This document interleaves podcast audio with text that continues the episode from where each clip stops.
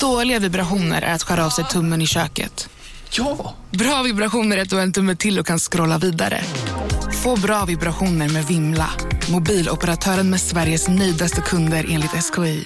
Nu ska du få höra från butikscheferna i våra 200 varuhus i Norden. Samtidigt. Hej! Tack. Jo, för att med så många varuhus kan vi köpa kvalitetsvaror i jättevolymer. Det blir billigare så. Byggmax. Var smart. Handla billigt.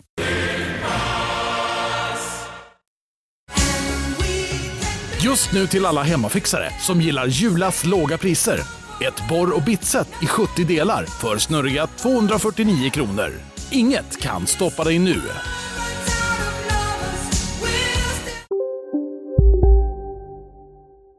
Hej och välkomna till Kulturbarnen, din eh, favoritkulturpodcast med mig Pontus de Wolf. Och mig, Ida Thirén. Hallå! Hallå!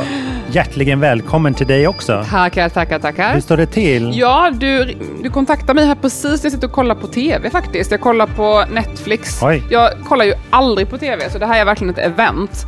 Jag, Ja. Sista månaden har jag typ inte varit hemma endast ikväll för att ut och sprungit och träffat folk och babblat runt och ätit mat och drickit dricka och så. Men ikväll är jag hemma. och- Tills restriktionerna släppte, då, sen Ja, dess precis. Sen dess har jag hållit mig hemma. Exakt. Jag bara, åh nej, ingen mer 22.30, då är det kört. Eh, nej, men ikväll är jag hemma och kollar på Netflix och jag kollar på den här nya serien. För jag, igår var jag så trött också och då tänkte jag, jag slår på Netflix och ser vad som finns att kolla på. Jag har ingen koll på TV. Och då var det så här, populärast i Sverige, Young Royals. Jag bara, vad fan är det här? Ja, jag slår på det. Och jag är såld, så jag håller på att se klart serien ikväll faktiskt. Jag tyckte den var så bra. Vad är det? Typ Meghan och Harry? Det är, nej, det är en svensk serie. Det är, man skulle kunna säga att det är en ungdomsserie, eller det handlar i alla fall om ungdomar. Det handlar om en Mm. svensk prins som börjar, gå, börjar på typ Lundsberg, fast det heter inte det i serien, en liten internat. Mm. Och det visar sig att han är gay, så det handlar om, och han blir kär i en ung kille som har invandrarbakgrund och kommer från, Aha. ort, kommer från orten. Och det är värsta kärleksrelationen mellan dem. Och det är, så, det är ungdomar, det är pengar, det är sex, det är skitbra.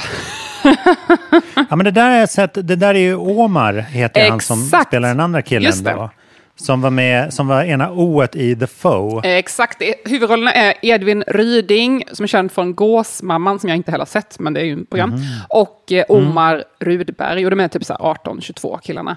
Och de är så duktiga. sexigt. Alltså. Okej. Eh, de är så duktiga. Alltså jag är verkligen, jag tycker det är så gulligt. Och jättebra manus, ja, framförallt av Lisa Mm. Ambjörn, heter hon som har gjort serien. Topp tips. Men vad fräckt. Det kan ju vara värt att kolla på. Mycket bra svenska ungdomsserier ju, Ja. senaste året. Och det var en grej jag tänkte på angående den här serien. Alltså den har en jätteintressant grej, att den har använt sig av intimitetskoordinator, heter det. Det här är en grej som jag faktiskt känner till sedan tidigare, men det, det, är inte helt nytt. Men det märks verkligen, då har man haft en speciell person som är utbildad och har koll på hur man gestaltar sex på ett bra sätt, helt enkelt. Och jag tycker verkligen att, det, och det är också både för skådespelarnas arbetsmiljö och säkerhet och sådär, och även för publiken. Jag tycker det verkligen märks att när det blir intima scener, det, liksom, det känns så respektfullt och äkta och hur det är, liksom, att vara lite ung och tafflande och man ska vara nära varandra. Och typ det är en scen när kvinnliga huvudrollen, Nikita Uggla heter hon, skådespelerskan, ehm, har sex med en kille och hon börjar ta på sig själv samtidigt. Jag bara, ja men det är väl så här det är att ha sex. De flesta kvinnor behöver ha klitorisstimulans för att få orgasm. Mm. Okej, förlåt att jag går in st- straight på sex här. Det går bra, det går bra.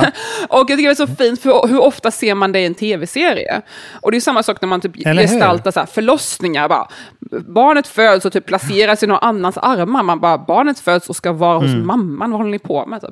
Alltså, Jag tycker det är så härligt att det märks att det, det är någon som har koll på läget. Och jag tycker bara det är så intressant grej att vi, vi släpper ut folk och bara, ah, den här personen har gått på en filmskola. Alltså ska den gestalta Ja. födsel och sex. Den kan väl ingenting om det? Varför inte ta in någon som faktiskt är Nej, expert på det? precis. Så jag tycker, jag tycker det är cred till dem att de har gjort det här. Ja, Ja. men det låter ju strålande. Och det är väl ganska ny grej i Sverige? Jag tror det är ganska nytt överallt faktiskt, alltså förhållandevis sista åren Mm. sådär, att det har blivit en grej. Eh, Men i Sverige absolut. Toppen grej tycker jag. Ja, men det, där, det är verkligen en grej att så här, vissa filmer har bra sexskildring. De flesta har det inte. Exakt. Okej, har du sett några bra sexskildringar? Nej, jag skojar. Har du- Vad har du funderat på sista tiden, Pontus?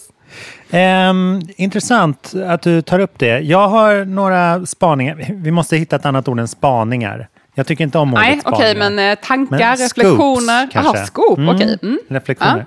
Ja. Jag sparar ett till senare där jag, jag eh, förutspår ett eh, karriärsskifte av Guds nåde Okej. eh, inom kultursfären. Mhm. Ehm, annars har jag läst vidare i Sagan om ringen, och, men även börjat på två andra böcker som jag läser parallellt, som jag tycker är härliga. Mhm. Är du mycket för ljud, ljudböcker? Men vet du vad, jag vill passa på att säga att min bok, Att omfamna ett vattenfall, finns som ljudbok Yes, för någon som, yes. om någon vill lyssna på den. Eh, nej, jag har faktiskt aldrig lyssnat på en ljudbok. Eh, jag gillar inte så mycket ljud. Jag vet inte, jag har ju lite så här, Mm. jag skulle inte säga att jag har någon diagnos eller så, men jag har ju kanske vissa tendenser mot den här autistskalan. Och jag vet inte om det Ja, har jag med det att göra. Alltså jag, jag blir väldigt, jag kan absolut inte, tanken på att koncentrera mig på att lyssna på en ljudbok och göra saker, saker samtidigt är väldigt, Mm. det, det finns inte riktigt för mig. Jag hängde tvätt, det funkar bra. Ja, okej. Alltså man måste göra sådana liksom, dröm, man kan drömma sig bort lite grejer, Just det. tror jag. Mm. Men okej. Inte v- vika tvätt är too much, men liksom hänga tvätt. Då kan man stå där och blicka upp mot skyn. Det tycker jag är bra. Men skitsamma, jag, eh, jag började i alla fall lyssna på inläsningen av Astarte av Karin Boye. Jaha, okej. Det känns... Är den bekant? Det, ja, jag är väldigt bekant med Karin Boye. Jag har ju läst Kalle och sådär. Hennes kanske mest kända bok, Mm. Dystopin. För er då som inte har koll. Just det. Mm. Ja, nej, men den, det här är 40-talet. fantastiskt. Det här är hennes debutroman roman Vad är det faktiskt. från 40-talet eller? Från Tidigare? eh, 1931. 30? Oj, ja, okej. Mm. Ännu tidigare. Mm, så att den är, den är ett riktigt så här exempel på... Eh, ja, man vill väl alltid lyfta fram henne på nya sätt. Det här är en så här väldigt feministisk och eh, modernistisk skildring kan man säga.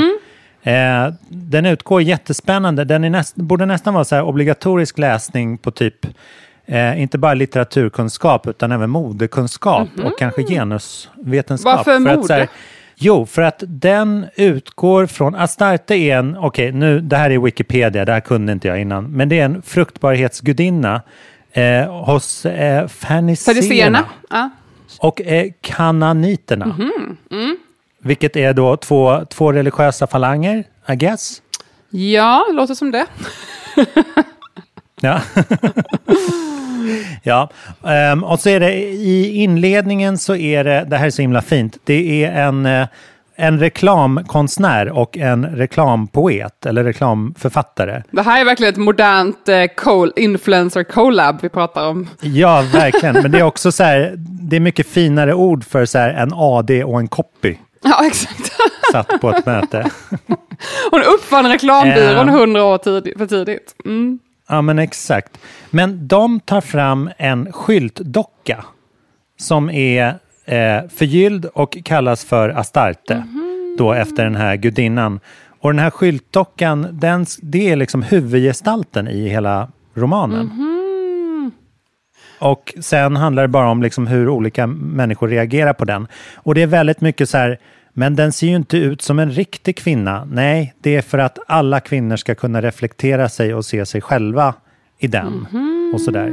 Så att alltså, den har väldigt många bottnar i så här, eh, religion, mode och vad som skapar så här, ett köpstarkt varumärke. Och, alltså skithäftig verkligen. Det låter ju väldigt, väldigt Och, samtida. eh, Ja, och den är jättefint inläst, eh, förutom att eh, inläsaren sa ta fatt istället för ta fatt på ett ställe. det är Men lite annan betydelse.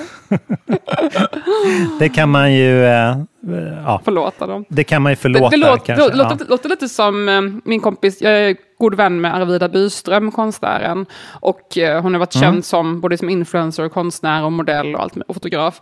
Och vi käkade middag i fredags senaste. Och ja, hon Mm. pratade lite om ett konstverk hon höll på med. Och det låter väldigt likt det här. Så jag ska tipsa henne om att Mm. kolla upp. Och överhuvudtaget vad hon jobbar med, är mycket sådär, ja, olika uppfattning av kvinnor och sådär. Så det låter ju lite Ja, passande. Sånt där är alltid sånt himla gränsfall, för om, om, man, om man visar upp det så här, hej, det, du gör precis som det här som gjordes för 90 år sedan. Då, sånt är alltid lite farligt. Men det, du kan nog avväga Jag tror inte bra det är där. så likt. Så likt är det inte. Det är någon, eh, men mer så här intressant grej.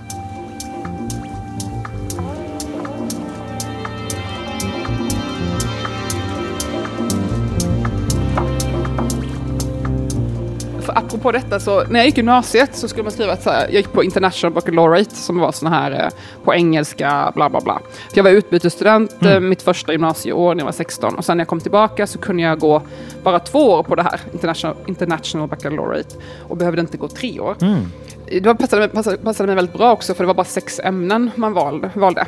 Så att jag kunde liksom ja, man har slutprov i, i trean. Och så jag tyckte man kunde typ så här, spela i band, måla, skriva. och sen trean bara glida in och göra proven. Och det passar mig, mitt sätt att lära mig väldigt bra. Att kunna fokusera på djupet på grejer. Herregud. Istället för att ha många olika ämnen så kunde jag ha så sex ämnen jag kunde fördjupa, fördjupa mig på och vara bra på. Och min, apropå det, min svensklärare Björn Karlström är idag väldigt erkänd kritiker och i massa jurys, Augustpriset och sådär. Så att, eh, och vi är också Ja. goda vänner fortfarande. Så det var en väldigt lyckad eh, gymnasieval för mig. Men min... Ja, det känns som du, du böjde tiden där. Alltså, det var ju så, the vortex-stilen. Och när jag skrev Mm. mitt slutarbete i engelska, så skrev Mm. jag om Kallocain, alltså Karin Boyes dystopiska Mm. roman, och jämförde den med Margaret Atwoods En tjänarinnas berättelse, alltså Handmaid's Tale. ah, Och nu har ju Handmaid's Tale blivit sån jättehit eh, tv-serie. Eh, och det här är alltså 20 år sedan. Så det, det är lite typiskt mig. Jag lyckas alltid göra saker typ så här 20 år innan de bryr sig. Jag bara, ah, jag börjar med yoga, blir vegetarian när jag är typ 16. Alla bara, vi ringer SOS. det är något fel på Ida Helvete. Thirén. Och Ja. sen bara, "Ha, vänta, alla nu håller på med det. Men jag, jag tänker att tiden kommer komma ikapp mig. Någon gång kommer den komma ikapp. Nu kanske snart. Därför ska jag liksom, jag ska mjölka dig på bra idéer som jag kan verkställa när jag är 60 ungefär. Nas. Då kommer de liksom, Men jag tror att eh, tiden... om 20 år Men det har ju alltså, den här då- tidböjningen av tiden, så nu tror jag att det Mm. minskat, nu kanske det är fem år. Så det jag säger nu kanske kommer hända Mm. om fem år, inte, inte längre 20. Innan var det 20, men nu har tiden Nej, ändrat jag sig. fattar. Så behöver ni bostadstips, eh, eller vad man ska köpa bostad, vad man ska köpa, investera i för konst. I'm your girl. Mm. Underbart ju. Um, apropå Vortex och böja tid sådär, ska du inte fråga mig hur det går i min uh, djupanalys Oh my av Sagan om ringen? Sagan om ringen. Okej, jag tar Har du också börjat läsa Nej, den nu? Absolut inte. Jag har, jag har nöjt mig med Julie Doucet, här min serieroman. Men ja, berätta om, om Sagan om ringen. Ja. Min idé så här långt, det har alltid funnits ett så grundproblem i den där. Nu förutsätter jag att alla kan storyn lite grann. Det är en liksom. kille som ska hitta en ring, Men- det är storyn. Ja, de ska frakta en ring och sen kasta ner den i en vulkan. Jaha, det visste inte jag. Så att den förgörs. Jag Nej. jag orkade inte Men, komma till. eh, men problemet med det här är att, och så blir de ju jagade av Gollum som är en liksom eh, demonversion av den här hobbiten. Alltså jag har liksom. såna mardrömmar från när jag var liten. Min pappa läste Sagan om ringen högt för oss när jag var liten. Och mina bröder. Mm. Och så gjorde han sån äcklig röst. När, han, när det kom Gollum var det alltid Du söte. Och jag har fortfarande får sån ångest när jag tänker på den här Gollum. Ja, okej. Det är all, alla föräldrars dröm om att liksom... Skrämma eh, upp sina barn. att få Ge sina den här barn-.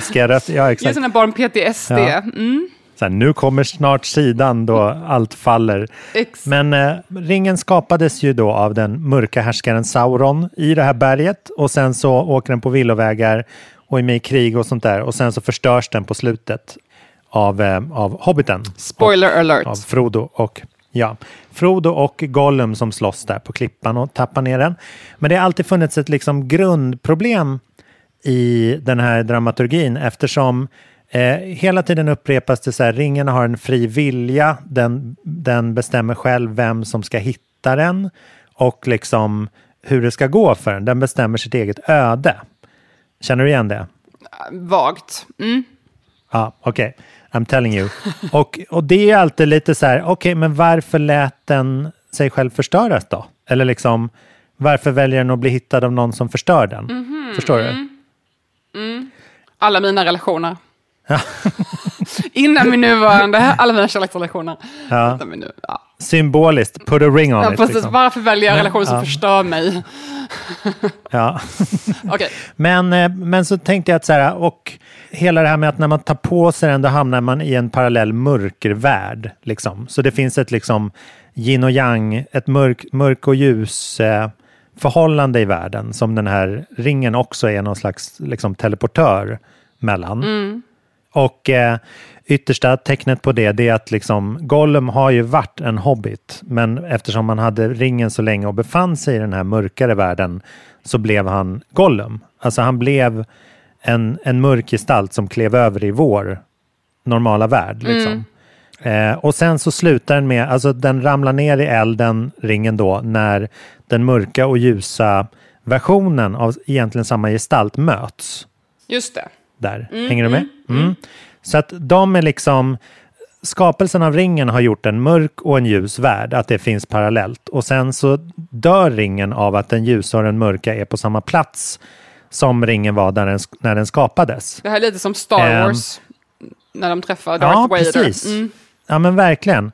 Men så att det här med att den väljer att förstöras, vilket det ju indirekt blir då, eh, det tror jag är i själva verket att den väljer att skapas. Är Big Bang, eller?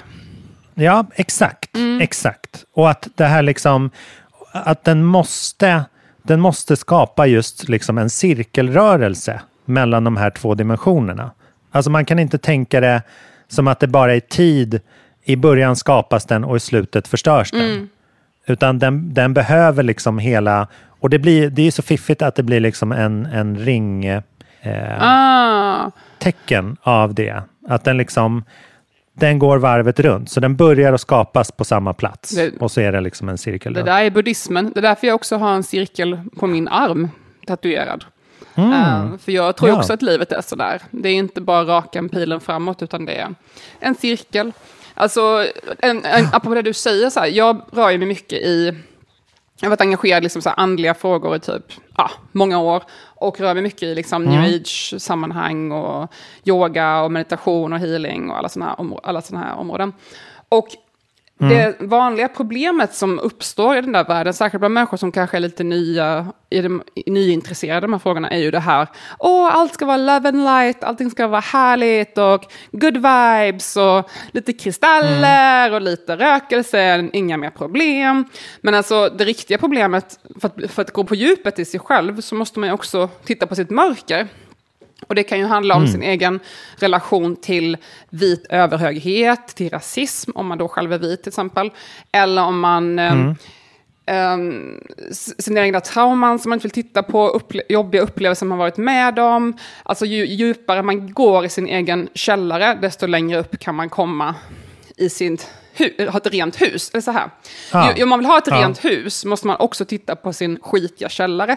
Och det är det många missar, för man vill Visst. ha det här good vibes, oh, jag ska bara meditera, det är så härligt.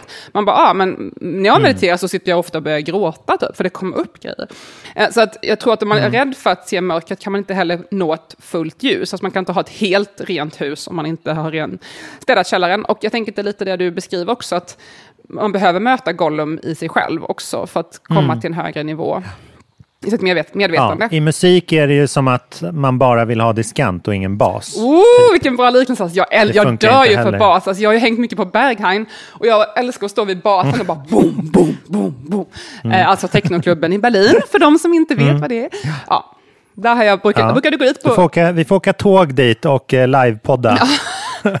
Alltså, jag bodde i Berlin i två och ett halvt år och jag brukade gå upp på söndagmorgonen, kanske jag har sagt det här på den. Jag brukar gå upp på söndagmorgonen, dricka lite juice, äta lite frukost och sen gå och dansa på Berghain och Panoramabar till stängning. Helvete, vad fem, Tio på förmiddagen till fem på eftermiddagen. Och alla andra var helt slitna, så Ah. kommer jag helt fräsch och bara dansar. Perfekt. How does she do it? Dra en klubbmate och sen är man igång. Mm. Ja, nej, men det är suveränt. Mm.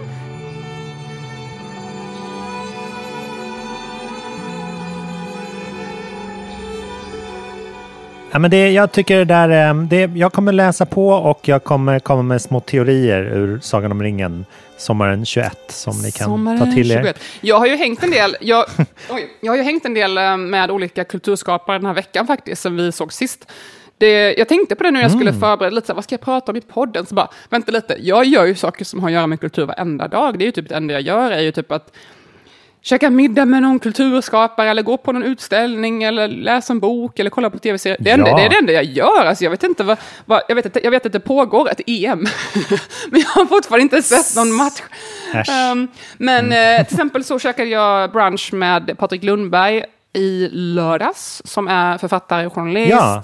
Och vi, eh, jag önskar att jag kunde säga någonting väldigt klokt på, ah, Patrik sa så himla intelligent grej. Vi pratade mest skit, ärligt talat. Eh, eh, inte, inte om någon, utan bara trams. Mm. Eh, struntprat. Ni bara, vi, vill ni ha vår intelligens, läs våra Ja, men böcker. lite så. Vi, vi gillar båda två att bara snacka trams. Vi pratar väldigt mycket om vad den bästa pizzan är.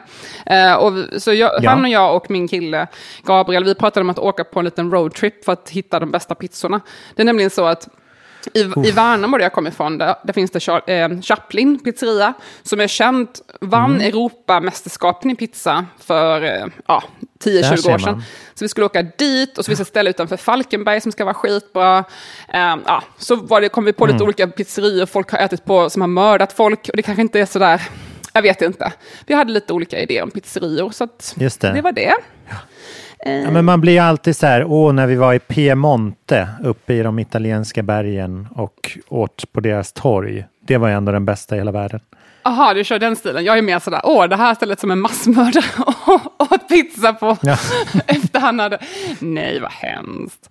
Ehm, Ja. Det var väldigt fint i Piemonte och säkert i många andra italienska bergbyar att eh, istället för dödsannonser i tidningar så hade man det som posters Va? på stan. Alltså typ så här, åh, den här personen har dött. Lite som så här, och jag kan, jag kan, inte hitta min döda, kan inte hitta min katt, kan någon hjälpa mig typ? Och så bredvid så här, den här personen har dött. I cannot find my husband. Gud vad hemskt. Vänta, Piemonte, det är typ, är det, Ita- är det Alperna, Italien, Frankrike? Italien är ett land. Nej, men det är Toscana. Oh, det där låter ju sjukt nice. Ja. Alltså. Ja. Men visst är det fint ändå att man liksom säger ja, det här var en, en eh, betydelsefull gestalt i vår församling eller bygd. Ja. Och så liksom manifesterar man det så Ja, på ett bra sätt. det var ganska fint faktiskt. Alltså jag är inte så rädd för döden. Jag hade ju nära döden-upplevelsen när jag var barn, som jag pratar om ibland. Och eh, Mm. som också skildras i min bok lite grann, eller närmsta i alla fall. Och ja, jag är typ inte så rädd för döden efter det. Så att det är lite speciellt. Eh, jag tycker... Ja, hur funkade det då? Nej, men jag höll på att drunkna när jag var åtta. Aha, Och eh, i ett äventyrsbad, jag tror det var i Sävsjö i Småland, på sportlovet. Och eh, var i vågmaskin. Och sen bara kom det djupare och djupare ut. Och sen så hamnade jag i otakt med vågorna. Och sen tänkte jag, blev allting svart och jag började se så bilder från mitt liv. ehm, som inte var så långt då, för jag var knappt åtta. Ehm, och sen så bara, aha, nu ska jag dö. Okej, ja men vad tråkigt. Typ. Men ja, känns helt okej. Det var liksom en ganska skön känsla. Det var inte så här, alltså jag vill inte idealisera, idealisera döden nu, men det var liksom inte skräck. Så. Jag ville ju absolut inte dö. Det är ju kul att leva. Nej, just det. Eh, Men så kom jag tillbaka, en pappa då plockade upp mig ur vattnet och lyfte upp mig. Mm. Eh, och jag, jag minns fortfarande väldigt väl det här ögonblicket, alltså. det är ändå 30 år sedan. Och jag, ja, Ah. jag, eh, har, sen dess, jag tror kanske det har påverkat mig, för jag känner verkligen att livet är så himla kort. Jag vet att det varje minut är så precious, så jag har alltid bara kört min grej, för jag vet att det här är Mm. liksom inget skämt, det tar slut när som helst. Och det, det kan ju vara slutkapitlet i din eh, självbiografi. Den där episoden när du är åtta och dog. Ja, jo precis. Men det, jag nämner ju det lite grann i min roman också. Ehm, och ja, det, jag tror det har påverkat mig mycket mer än jag har tänkt Just på. ja. Mm. Att just att jag har lite den här Ja. livsinställningen, att bara, vad fan, jag bara kör. Jag bara testar allt som kommer i min väg. För att jag Ja. vet att, who knows. Ehm, Det är nog bästa sättet. jag pratade med, jag var, och käkade, um, jag var på vårt hemliga ställe, Pontus, som jag inte vill säga i podden, för, jag- Ja, för jag ja. vet att det, kom, det är redan svårt att få bord.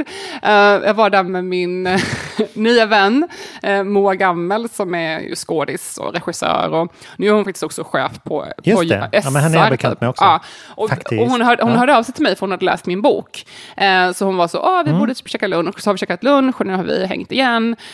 Och jag blev lite, ah, hon, jag, jag hade inte ätit någonting. Jag, jag glömmer ofta bort att äta. Alltså det är ett, jag försöker verkligen tänka på det. Och hon bara, vi tar in lite bubbel. Mm. Typ. Jag bara, oh my god. Alltså jag, jag tror jag sa ett och annat dumt, så jag ber om ursäkt och jag hoppas att, att Mm. ehm, människorna omkring oss inte hörde vad jag sa, för jag sa säkert massa dumma saker.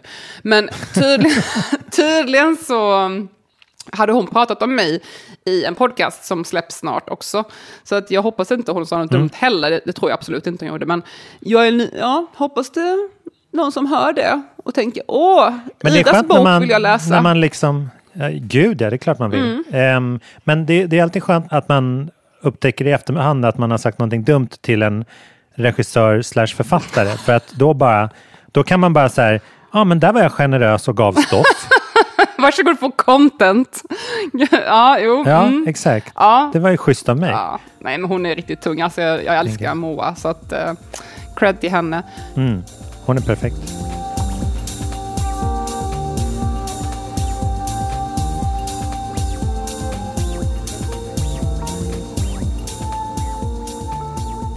Jag har också varit på bio faktiskt.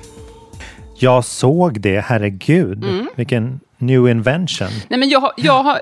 Berätta, hur Hur kändes det? känns- Nej, men jag var ganska mycket på bio i somras, då när man fick gå på bio fast ingen gjorde det.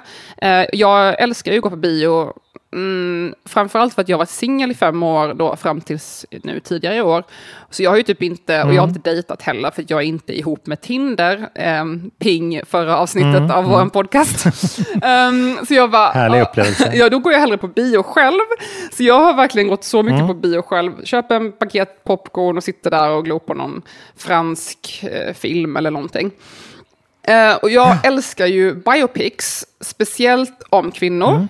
Alltså filmer som är biografiska om kvinnor. Eh, och förra sommaren var det så kul, för att det kom ju typ inga nya filmer. För det var ju bara så corona, samma filmer som kördes. Exakt. Eh, Så ett tag hade jag typ sett allting som visades på Victoria. Och det var nästan, alltså Victoria i Stockholm som är så lite smalare biograf. Och alla filmer hette typ så här Shirley, eh, Marie Curie var det en också. Och så var det en som handlade om Helene Kärfbäck, den finska konstnären, som hette typ Helen. Så, så här, Helen, Marie, Shirley. Jag såg alla. Eh, men nu kom det en ny biopic om en en intressant kvinna. Så det här är min favoritgenre.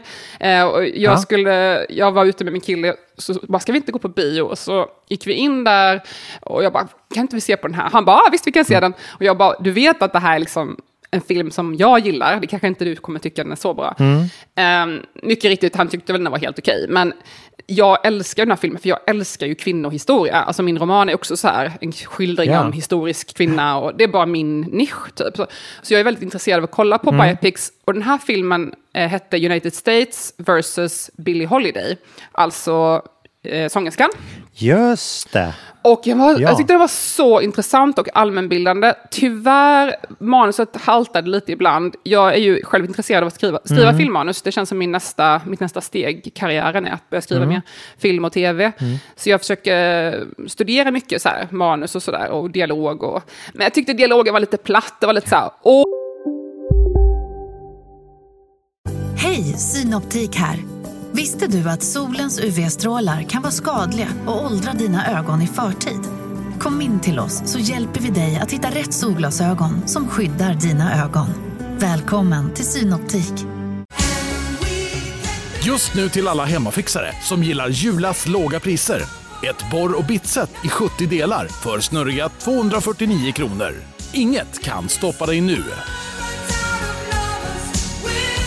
Välkommen till Unionen. Hej! Eh, jo, jag ska ha lönesamtal och undrar om potten. Ja, om jag kan räkna med övertidsersättning för det är så stressigt på kontoret jag jobbar hemma på kvällarna så kan jag då be om större skärm från chefen för annars kanske jag säger upp mig själv. Och hur lång uppsägningstid har jag då? Okej, eh, vi börjar med lön. Jobbigt på jobbet. Som medlem i Unionen kan du alltid prata med våra rådgivare. Och de tycker inte om mig för att jag är en stark svart kvinna. Man bara, aha, vi har kollat, kollat Ah, på den här ja. filmen nu en och en halv timme, jag fattar det. Eh, men sen också, tänkte jag på det här, det här var lite en en tanke jag ville lyfta med dig. Att jag tycker det är så intressant för att det hänger så mycket på publiken. Alltså är det en publik som kanske inte är så van att kolla på gestaltat, alltså så här show don't tell, typ. Att man själv ska få lista ut någonting. Utan mer van att kolla på kultur som, eller exponeras för kultur som är mer berättande. Så här, aha, nu var hon ledsen. Istället för att så här, man ser en gråtande Ja. kvinna. Är man van vid det, då kanske man behöver de här ledtrådarna typ. Så här är det, och förklara. Exakt, ja, Medan ja. jag då kanske föredrar när man själv får liksom lista ut det där. Så att man får ju tänka lite på publiken Mm. också. Och den här filmen var intressant för att den handlar om sångerskan Billie Holiday. Och jag gillar verkligen hur de gjorde det här. Det här är något jag studerar mycket då när jag kollar på biopicsen. Hur de inledde filmen. Det, här påminner lite, det kom en film eh, förra året som handlar om sångerskan Judy Garland, som också heter Judy. Så att jag har ju sett många av de här, Judy, Shirley. Um, Och Ju- Judy då, då börjar de direkt med att hon är jättegammal och håller på att dö och är jättekänd. Och det var lite samma grepp i den här filmen då, att Billie är redan superkänd sångerska på 40-talet, Mm. i- eh, 40-talet i USA. Och det är inte så här, måste förklara så här, hon föddes i amerikanska södern, Nej, hennes mamma var prostituerad. Alltså det är inte så att man måste följa varenda steg, Ja. utan man får kastas in direkt i så här, nu är hon superkänd, men hon, tar, hon Ja. knarkar och amerikanska regeringen vill sätta dit henne för att hon uppviglar Mm. medborgarrättsrörelsen med sin låt Strange Fruit, som handlar om lynchningarna i södern, alltså rasistiska handlingar, Mm. och hennes låt Just det, det hänger, det hänger märklig frukt från Alltså. träden. Och då insinuerar det alltså häng, hängda slavar. Ja, eller bara människor. Det var, här var ju efter slaveriet. Det här var ju bara Mm. ren rasist, liksom, rasistiska dåd separat från slaveriet. Ehm, eller efter slaveriet. mm. Ehm, så att hon sjung, förmänskligar det här och ska, skildrar det här. Och folk blir så um, upprörda av det här. Så att det blev verkligen en startskott Mm. för medborgarrättsrörelsen som sen blommade ut på 50 och 60-talet. Men regeringen vill verkligen Mm. stoppa henne. Så FBI typ planterar så heroin på henne för att få tyst på henne. alltså, för att hon ska Mm. sätta fast henne och så hon ska sluta sjunga Strange Fruit. Bara stop singing Strange Fruit. Um, så det det var liksom det som blev handlingen av filmen. Istället för att det var så här, nu ska vi berätta en film om Billie Holiday, så var det så här, nu ska vi beskildra Billie Holiday Ja. och hennes kamp mot regeringen. Eh, så jag gillar verkligen det här greppet. Mm. Och då brukar de ju i såna biopics liksom klämma ihop eh, årtiondena lite. Så att så här, väldigt många centrala händelser ur hennes liv kanske kommer på lite kortare tid Ja, än de precis. gjorde i verkligheten. Och så, där. så brukar de ju liksom, för, för att de ska slippa den här äh, eländiga liksom, åldrandet och sminkningen från ung till jättegammal Just det. och sånt. Ja, hon dog ju när hon var 45, Men det så det är ju så- ganska enkelt i det här fallet. Ja, ja faktiskt. Men eh, det är intressant, jag vet inte om de, hur de skildrade det i filmen, men i verkligheten hävdade ju hon att hon inte förstod innebörden av texten Va? till den låten. Ja, och det kan ha varit liksom, antingen var hon lite disträ eller så alternativ B så var hon tvungen att distansera sig från det av liksom känslomässiga skäl. Att det är för tungt att sjunga den om man liksom eh, tar in den helt och hållet Aha. i hennes Mm, situation. Ska man tro på filmen så var det nog mer att hon gjorde det för att eh, inte råka illa ut. För uppvigling. Mm. Ja, men det är alternativ C. Mm. Och jag är jättestort fan av Billie, Billie Holiday. Alltså jag har lyssnat jättemycket på henne. Eh, och fram, framförallt den här, de här skivorna. Mm. Ja, så det känns väldigt kul att få se den här filmen. Så jag kan ändå verkligen rekommendera den, även om jag tycker att manuset ibland haltade lite grann. Men sånt där, det, ja, det är hon och Ella Fitzgerald Ja. i den där generationen som är de största. Men, ja, men hon är lite senare. Mm. Men jag tänker att så här, eh, eh, Ella och Billy, de har ju liksom, de har ju samma status, men, men Billy har ju the blues på ett helt annat sätt. Lady sings the blues. Alltså jag önskar jag kunde sjunga. Ella Fitzgerald låter ju alltid glad liksom. Just det, hon är lite mer sådär check liksom. Eh, Så cry, cry, cry me a river, oh yeah. Eh, du vet. Ja, men också cred till, det, var ganska mycket okända skådisar i den här filmen, det måste ha varit ganska lågbudgetproduktion eh, produktion, tror jag. Eh, Men Mm. huvudrollsinnehavaren Andra Day, skitduktig. Det kanske finns någon liknande roll för så musikfilmer som du pratade om, så filmer med sex i. Att man har en så här, så här ser det ut när du spelar instrument. Eh, för att det, det är jäkligt centralt. Ja, du menar som en så koordinator, liksom, musikkoordinator. Ja, mm, det är Precis. Jag vet ju att det är vis- vissa som går in i karaktär totalt och så här, alltså som Sean Penn som så här lärde sig spela banjo när han... Nej men så här, folk som liksom lär sig spela instrument bara för att det ska se autentiskt ut. Det där Eh, är så och sånt. coolt alltså. Det är spännande. Ja. Och det, där handlar det också om lite så här hur långt ifrån filmens ämne man befinner sig själv. För jag som musiker tycker det är jättesvårt att se musikbiopics. För att jag kan vara liksom så här, åh, det är, de, de spelar inte den låten på riktigt på pianot. Alltså att det blir liksom så här Ah. lite fel eller så här, så där, nu är hon inte i, vid mikrofonen så som det låter. Eller liksom, Oh. man blir total nörd. Men eh, vi är en få och utdöende nisch, nisch av biopublik, så det är lugnt. Men alltså, Men framförallt, det är väldigt roligt att gå på bio. Det är liksom som ett så här nyupptäckt medium på något vis. Nu när det har varit stängt ett och ett halvt år. Alltså, jag tänkte på att Cannes-festivalen öppnade nu i dagarna. ah.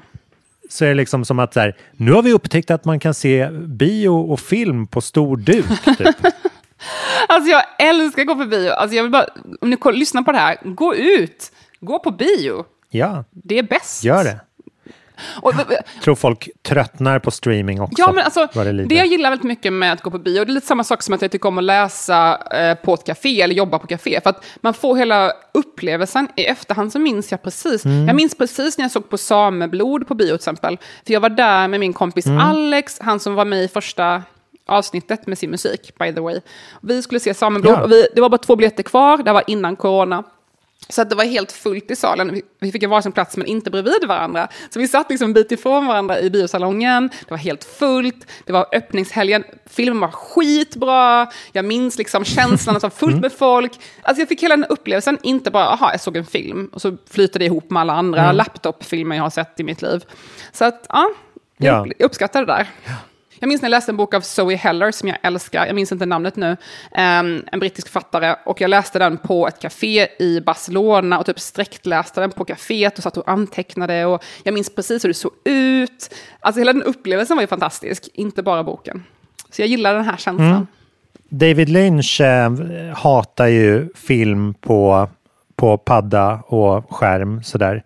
Det är väl ingen, ingen liksom högoddsare eller vad man säger. Varför? Eh. inte alls chockad. liksom. Men, men han, han använde uttrycket att så här, If you're playing the movie on a telephone, you will never in a trillion years experience the film. You'll think you'll have experienced it, but you'll be cheated. Shit. Att man inte upplever det. Man, det bubblar inte i Det är blodet. tvådimensionellt och inte tredimensionellt. Alltså jag gillar väldigt mycket performance, alltså konstperformance, för att den är ju interaktiv. Alltså egentligen är det ju typ som dans Mm. eller teater, bara skillnaden är, kan man säga egentligen, min tolkning i alla fall, skillnaden med performance och bara något annat, är att vad som helst kan hända i rummet. Alltså att, att det finns en reaktion med publiken, en reaktion med rummet som inte är statisk. Det är inte så Ja. att bara vi har en pjäs som kommer vara likadan med alla publiker, utan det kan förändra sig. Jag minns en gång jag var på ett eh, performanceverk på en festival på Kulturhuset i Stockholm. Tyvärr minns jag inte konstnären, jag tror hon var från Japan. Eh, och hon hade en, en dansliknande grej på scenen och pratade japanska, men var väldigt lite engelska. Och så var det någon, så plötsligt stannade hon upp och hon bara No photos, no photos och började typ tjafsa med någon i publiken att de inte skulle fota. Men jag vet än idag inte om det här var fake eller om det var någon. Och jag har tänkt på det så många gånger, bara, var det någon som fotade eller var det här bara en del av hennes performance? Så hon är på jättemycket så här, no photos, bla bla bla bla bla. Och jag vet Ja. inte. Om de, jag såg inte, för det var någon publiken. Jag såg inte om de hade en kamera eller inte. Och det där tycker jag är så himla intressant. Man bara, verkligheten, vad är verkligheten och vad är performance? Man vet inte. Det kanske var någon som fotade på hennes tidigare föreställning, men hon vågade inte säga till då. Så hon bara får... Hon Det låg kvar, frustrationen liksom. Ja. Vem vet? Ja,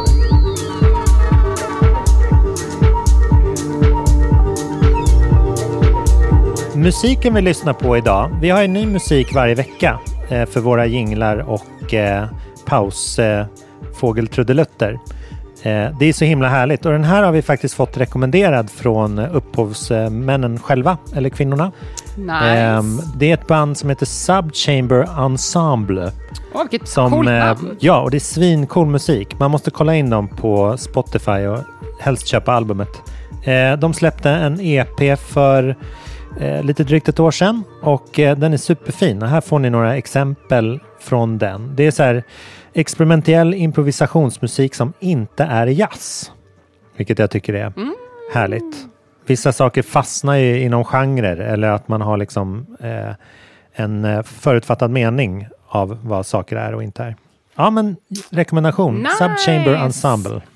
Och fortsätta skicka in tips vet jag. Det älskar Jag vi. vill bara säga en sak. Jag har fått lite meddelanden angående min spaning om Mhm. 90-talisterna. Uh, för er som har hört det här förut så hade jag en spaning att många som är födda på 90-talet eh, eh, presenterar sin ålder inte som så här, jag är, 20, Just jag är det. 25, utan jag är född 95, jag är född 94.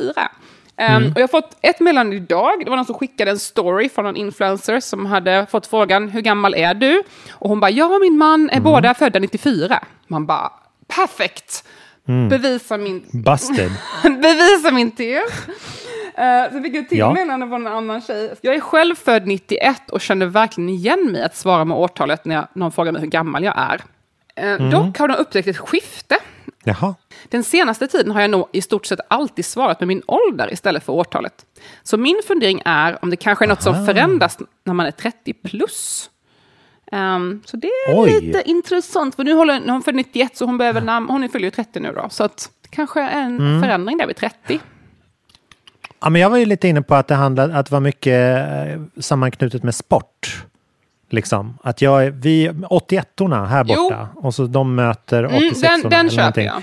Ja, och efter 30 så är det lite patetiskt att eh, referera till sig själv som så här ung sportande tonåring.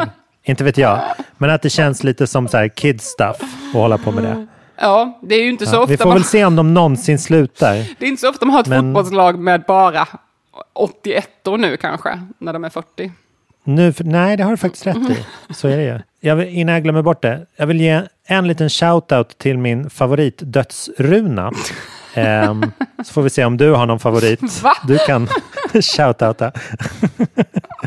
min är eh, Bo Holmström. Ringer det en klocka? Vem Det, är det någon regissör eller? Nej? Nej, det, det är Lasse Hallström. Jaha, det var Bo en annan man. är... Bo Holmström är en legendarisk SVT-reporter. Eh. Det var han som skrek lägg ut, lägg ut när det bombades på västtyska ambassaden för länge sedan. Du, Känner du igen det Du låter uttrycket? så gammal just nu, Pontus. Ja, nej men det är, jag tror folk vet. Lägg ut, lägg ut. Det betyder alltså liksom gå ut live. För alla våra gamla lyssnare, här kommer lite triv... Ja. Mm. Ja. Och eh, i hans dödsannons då för två år sedan tror jag det var, så är det en, en bild på en segelbåt eh, och texten Bo Holmström har lagt ut för sista gången. det tyckte jag var fint. Ah, shit, alltså. Vad ska det stå på din... eh, Jag har ingen sån här på rak arm, men har du någonting du ska stå på din eh, dödsruna? Gud, det här har man ju kommit... Det, det, det känns som min brittiska sida, jag är halvbritt, kommer komma fram med någonting där. Parklife. För det är typiskt liksom sån... Verkligen, hela mitt långa, långa namn med mellannamn och så Parklife. För de som inte förstår vad det här är, så Det referens jättekul. till eh, Blur, brittiska britpopbandet. Jag vill bara inkludera alla som inte känner till britpop från 90-talet. Ja. Här vilar Pontus de Wolf, en ung man född 81 som gillade musik. Parklife. Det är jättebra. Spela Parklife på begravningen. Ja.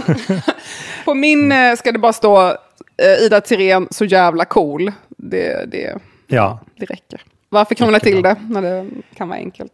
exakt.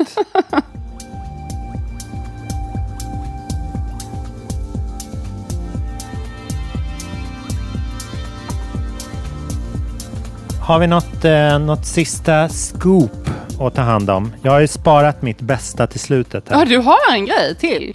Mm, jag har en liten Oh grej. my God. Vi kan hålla det kort, men det är short and sweet som man Oh, säger. mm.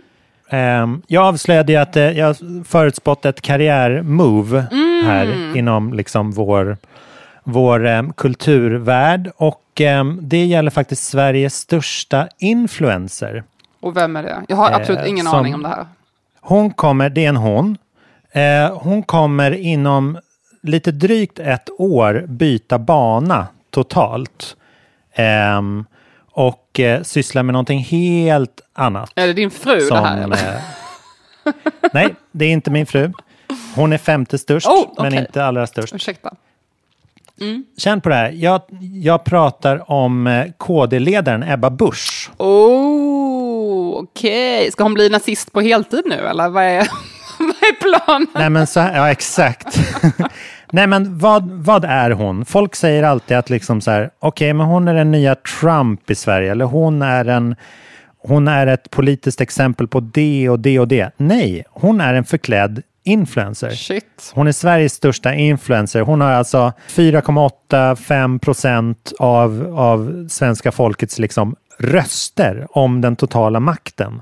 Det handlar inte om liksom x antal följare på in, Instagram eller liksom någonting sånt ytligt, utan hon har, hon har reell makt. Hon har liksom 5 procent av folket. Hon är vår största influencer.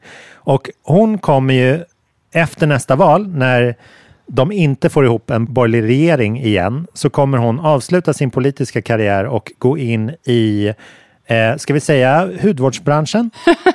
Okej, hudvård. Alltså, ah, för det ah, är hudvård, där ah. cashen ligger. Liksom. Och var, varför jag fick den här idén, förutom att det är lite kul och att hon har så här slät hy, ehm, det är att det, jag har sett en liten trend, eller många har sett den, i eh, vissa influencers som liksom tar avstånd från sitt yrke den senaste tiden. Och starkaste, eh, starkaste exemplet där är ju Cissi Wallin.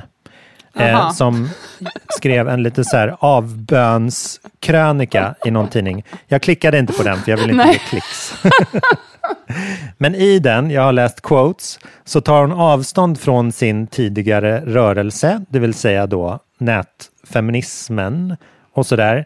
Och eh, avskriver även sina krav på henne själv som ledare. Och hon skyller på rörelsen och tycker att så här, det där är en like-kultur och jag sveptes med och eh, jag kan inte ta ansvar för den tiden för att det liksom, jag var i händerna hos några galningar. Jaha, oj. Eh, lite, den, lite den retoriken som att så här, nu vill jag in i varmare vardagsrum igen och hitta en ny nisch för mig själv. Och det här, apropå att Ebba Busch då kopierar från Trump, från Kamala Harris, hon kan ju ta det här rakt av.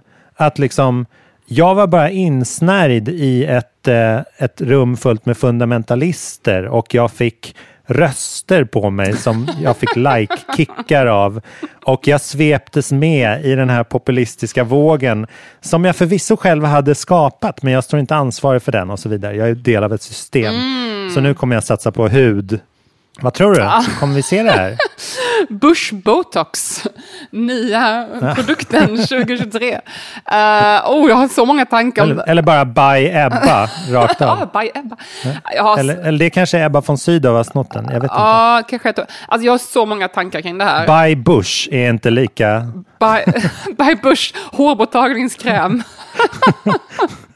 Bye bye Bush. Oh my god, bye bye Bush. Ah, nej, alltså jag har så många tankar kring det här så jag vet inte ens var jag ska börja. Min hjärna bara går i spinn. Men alltså, jag har inte koll på det här med influencers som säger förlåt och hit och dit. Jag har inte koll för jag följer inga influencers. I'm sorry, ni, ni kör er grej men jag bara inte Nej, och du skulle aldrig säga förlåt heller. jag är bara inte intresserad. Eh, Men i alla fall, jag tycker så här, det är intressant för att jag är i samma ålder som många av de här människorna. Cissi Wallin och jag är typ samma ålder. Här. Och jag har intressant märkt att så här, de som gjorde de här sakerna för att få för likes, jag är ju i samma bransch, jag har jobbat som journalist i tio år, inte så mycket längre för nu fick jag bara skriva böcker. Men jag har ju alltid haft lite så här, vad ska man säga? Man kan kalla det för integritet, man kan kalla det för eh, specialintresse. Det beror på lite på. Men jag har inte svepts med den här like-grejen. Eh, därav har jag också inga pengar, jag är inte särskilt känd. Men jag har inte bara skrivit om saker som klickas loss. Liksom. Jag säger, ah, det kommer en bokrecension om en obskyr roman, typ, som hundra pers vill läsa. Eh, det är inte så lukrativ bransch. Hade jag skrivit mer om så här, feminism, wow, då kanske jag hade varit lite mer kändis och fått vara med på tv och allt sånt där. Det har ju lönat sig väldigt bra att vara den här personen. Så det är väldigt intressant att man fått all den här credden och uppmärksamheten, att sen bara, oj vänta lite, nu vill jag göra allt det där andra. Man bara, ja, vad ska jag säga? Mm. Vad ska Ja, jag men börja? verkligen, Ehm, så jag, jag- det får mig att tänka att kanske är det här min tid. Vi som har gått den här lite mer långa vägen och hållit en ganska jämnt tempo och kan stå för allt. Jag kan stå för allt jag gjort. Jag har, jag har inga ånger, jag har inga skamartiklar där ute. Eh, Jag har utvecklats och lärt mig. Ja, men eller hur? Jag har kanske lärt mig att skriva saker nu som jag inte gjorde förut och skrev då saker som jag inte skulle skriva nu. Men jag har liksom ingen sån här grej jag skäms över. För jag, jag har inte impuls slängt ur mig någon krönika för att, för att få pengar och likes. Jag har tänkt efter. Nej. Och det har gjort mig fattig och okänd, men jag behöver i alla fall inte oroa mig nu. Så att kanske det betyder, betyder det här att, eh, jag tänker så att det, det du säger nu, kanske betyder det att min tid är kommen. Ja, och du är i alla fall, ja, säg inte det, men de, du är i alla fall inte rädd för döden. Jag är i alla fall inte bra. rädd för döden. Två alternativ. Antingen Apropå att din tid är kommen. An- just det, just det. Antingen så eh, har jag, kommer en bra tid för mig, eller så är min tid kommen. Amen. Vi får Ja. se. De är också, Båda är okej. de är också precis, både Ebba Busch och Cissi Wallin är nyligen dömda för förtal, vilket jag tycker är härligt och talande för hela den här. Ja, det där ska jag inte, det vill jag inte uttala mig om, för det där är så himla eh, käns, känslig not. fråga. Jag ork, orkar inte ens... eh, Vi lämnar dem, Vi lämnar vi lämnar dem Mm. till sitt Ja. öde. Så, mm. de har, det har gått bra för dem på sitt sätt. Men, eh, Men jag vet inte om jag tycker att... Ja. ehm, oh, oh, gud, det här med influencer och Ebba Busch, alltså jag, mitt hjärna bara snurrar runt just nu. Ehm, jag vet inte om jag... Alltså hela poängen med... Jag skulle säga att Ebba Busch är ju in- inte en influencer. Ehm, för att hon är, ja, men alltså min syn på vad en influencer är, är ju någon som inspirerar människor och så här genom sin blotta existens och smak. Och som jag har varit inne på i tidigare avsnitt, att en influencer är ju typ en hel tidning. Man är sin egen eh, HR-avdelning, man är sin Ja, ekonomiavdelning, just det, man är just det, sin hälsosida, man är sin modesida, man är sin ledare, man gör allting själv. Fast då typ på Instagram eller en blogg eller så. Och jag respekterar verkligen det här. Och det finns ju en anledning att vissa människor lyckas med det här. Jag har inte det hemliga receptet. Eh, men det, uppenbarligen är det ju någonting som gör att vissa människor bara har det där. Alltså de har karisma, de har utstrålning, de har någonting eget som folk bara gillar, typ. Som är rätt i tiden kanske. Eh, som sagt, min kille är ju en av de här människorna som bara folk dör för. Eh, Det finns ingen riktig förklaring varför just han har blivit så populär i det han gör, men folk älskar det. Det är bara någonting med honom som folk tilltalas av, som känns eh, rätt, på något sätt, så zeitgeist på något sätt. Ehm, och det, måste- det respekterar jag. Jag har själv aldrig varit en av de personerna, jag har alltid varit lite fel, lite fel eh, i tajmingen. Ja. Kanske kommer min tid. Ehm, men, eh, så jag vet ju uppenbarligen inte vad det här receptet är. Men jag skulle ju säga, hävda att Men- Ebba Busch inte har det där. Ehm, hon gör sin grej. nej, nej, nej. Och Jag respekterar inte det hon gör för att hon samarbetar med SD och jag tycker det inte är bra. Ehm, och mycket annat. Mm. Och abort och hit och dit. Jag har många saker som jag inte håller med om.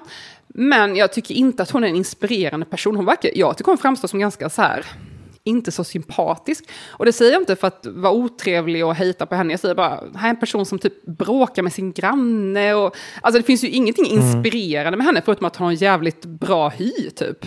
Ehm, så att, mm. i och för sig... Det är det jag I säger. och för sig, I think I just proved your point. Okej, jag ska lägga ner mitt argument. She's very toned. Highlighten ligger där den ligger. Den sitter där den sitter. Oh my god. Ja, ja. Där den ska sitta. ja. Alltså, Men eh, ja. Jag måste bara säga, highlighter, det är ju faktiskt en magisk grej. Jag har aldrig haft någon highlighter, eh, men så nyligen fick jag, jag, jag är kompis med Kakan Hermansson och jag var hemma hos henne. Och, eh, det är väldigt bra när man har kompisar som är influencers, för då får man ju saker av dem som de inte behöver. I know. För de får väldigt mycket, du vet ju det säkert det här, för du får säkert massa paket eh, hemskickat till dig. Um, till ert Absolut. hushåll. Jag får mest chips skickat till mitt hushåll. Gött. på grund av min kille. Så vi får så här lite fotbollströjor och chips har vi fått väldigt mycket sista tiden. Ehm, Ja, ja. Skulle Det är lite så här kill och Ja, tjej-influencers. Kill- De har lite, lite olika postfack på PR-byråerna. här. Medan du kanske får lite mer så smink och duschkräm eller... Um, Exakt. Jag fick i alla fall en highlighter då, bland annat. Eh, och jag började använda den. Och jag måste ju säga att jag blir ju väldigt snygg alltså. Man blir ju väldigt snygg av highlighter. Ja. Alltså det är, det är magisk eh, stick. Eh, och det var ju ett stick. Ja. Så, så jag, jag erkänner mig besegrad. Jag borde ha upptäckt highlightern för länge sedan. Nu har jag både mittbena och high, highlighter, så snart är jag en Ja, riktig eh. Gen Z. Ja. jag försöker närma mig Gen Z ett steg i taget. Uh, highlighter. Verkligen. Nästa grej blir contouring, måste jag lära mig nu då. Ja, Mäktigt. det får bli nästa. Ja, det här kan man ju prata hur länge som helst eh, om, men vi måste ju spara lite till eh, våra, nu, nu är våra lyssnares hjärnor så brända av innehåll och eh, klokheter här att vi, vi måste ge dem lite tid och lite space. Vi ska skära bort Vad- en kvart av samtalet. Det kommer aldrig ske. Men Jag har eh, sagt så mycket dumt, du måste skära vad, bort. kommer, vad ska du göra i, ska du göra något härligt i helgen? Um, imorgon ska jag faktiskt gå på barnteater på Kulturhuset med min dotter. Så det blir jättekul. Åh. Ja. Så, Fantastiskt. Du, har du någonting kul framöver? Eh, Jag är bara här liksom på, jag håller på med mina konserter. Uno Svenningsson ska spela ikväll, torsdag, när vi sänder det här. Nice. Ja, gammal goding. Och eh, sen så, så kör vi på bara. Nej men vi, eh, sen måste vi ju köpa en tårta för vi fyller ju en månad, Ida. Vår podcast är en månad gammal. Tänk så mycket som har hänt i dess dagar. En tårta, det låter som att vi är med Ja, i. AA. Det är ju det man gör i Anonym Alkoholist, Ja. att man köper en tårta för att fira höjdpunkter. En månad, ett år. Ja men visst. Ja. Kanske ska ta en tårtbit, hälla upp en brandy för vi är inte alkoholister och lyssna inte- på det första avsnittet igen. Fira att vi inte är alkoholister. Trigger underbart. warning för alla som Ja. är med AA. Jag vill bara ge er eh, respekt och eh, cred. Kör på. Ja. Vi väntade en timme i alla fall. Men eh, du, du får sköta om dig och gå mycket på bio. Och eh, nästa gång vill jag höra lite vad du läser för sommarläsning. Det vore spännande. Det vore spännande. Okej, Ja. hej då! Ha det så fint. Tack för idag. Hej då. Hej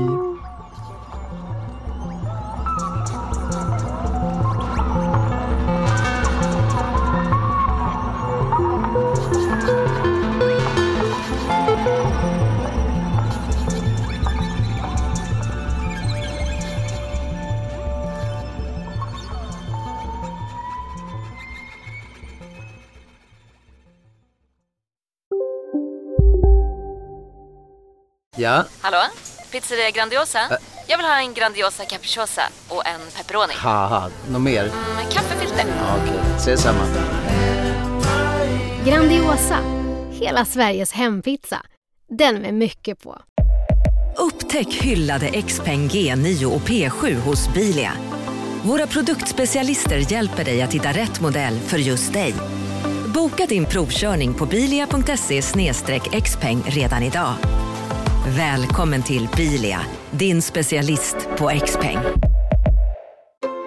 Sista dagarna nu på vårens stora season sale. Passa på att göra sommarfint hemma, både inne och ute. Och fynda till fantastiska priser. Måndagen den 6 maj avslutar vi med Kvällsöppet i 21. Välkommen till Mio.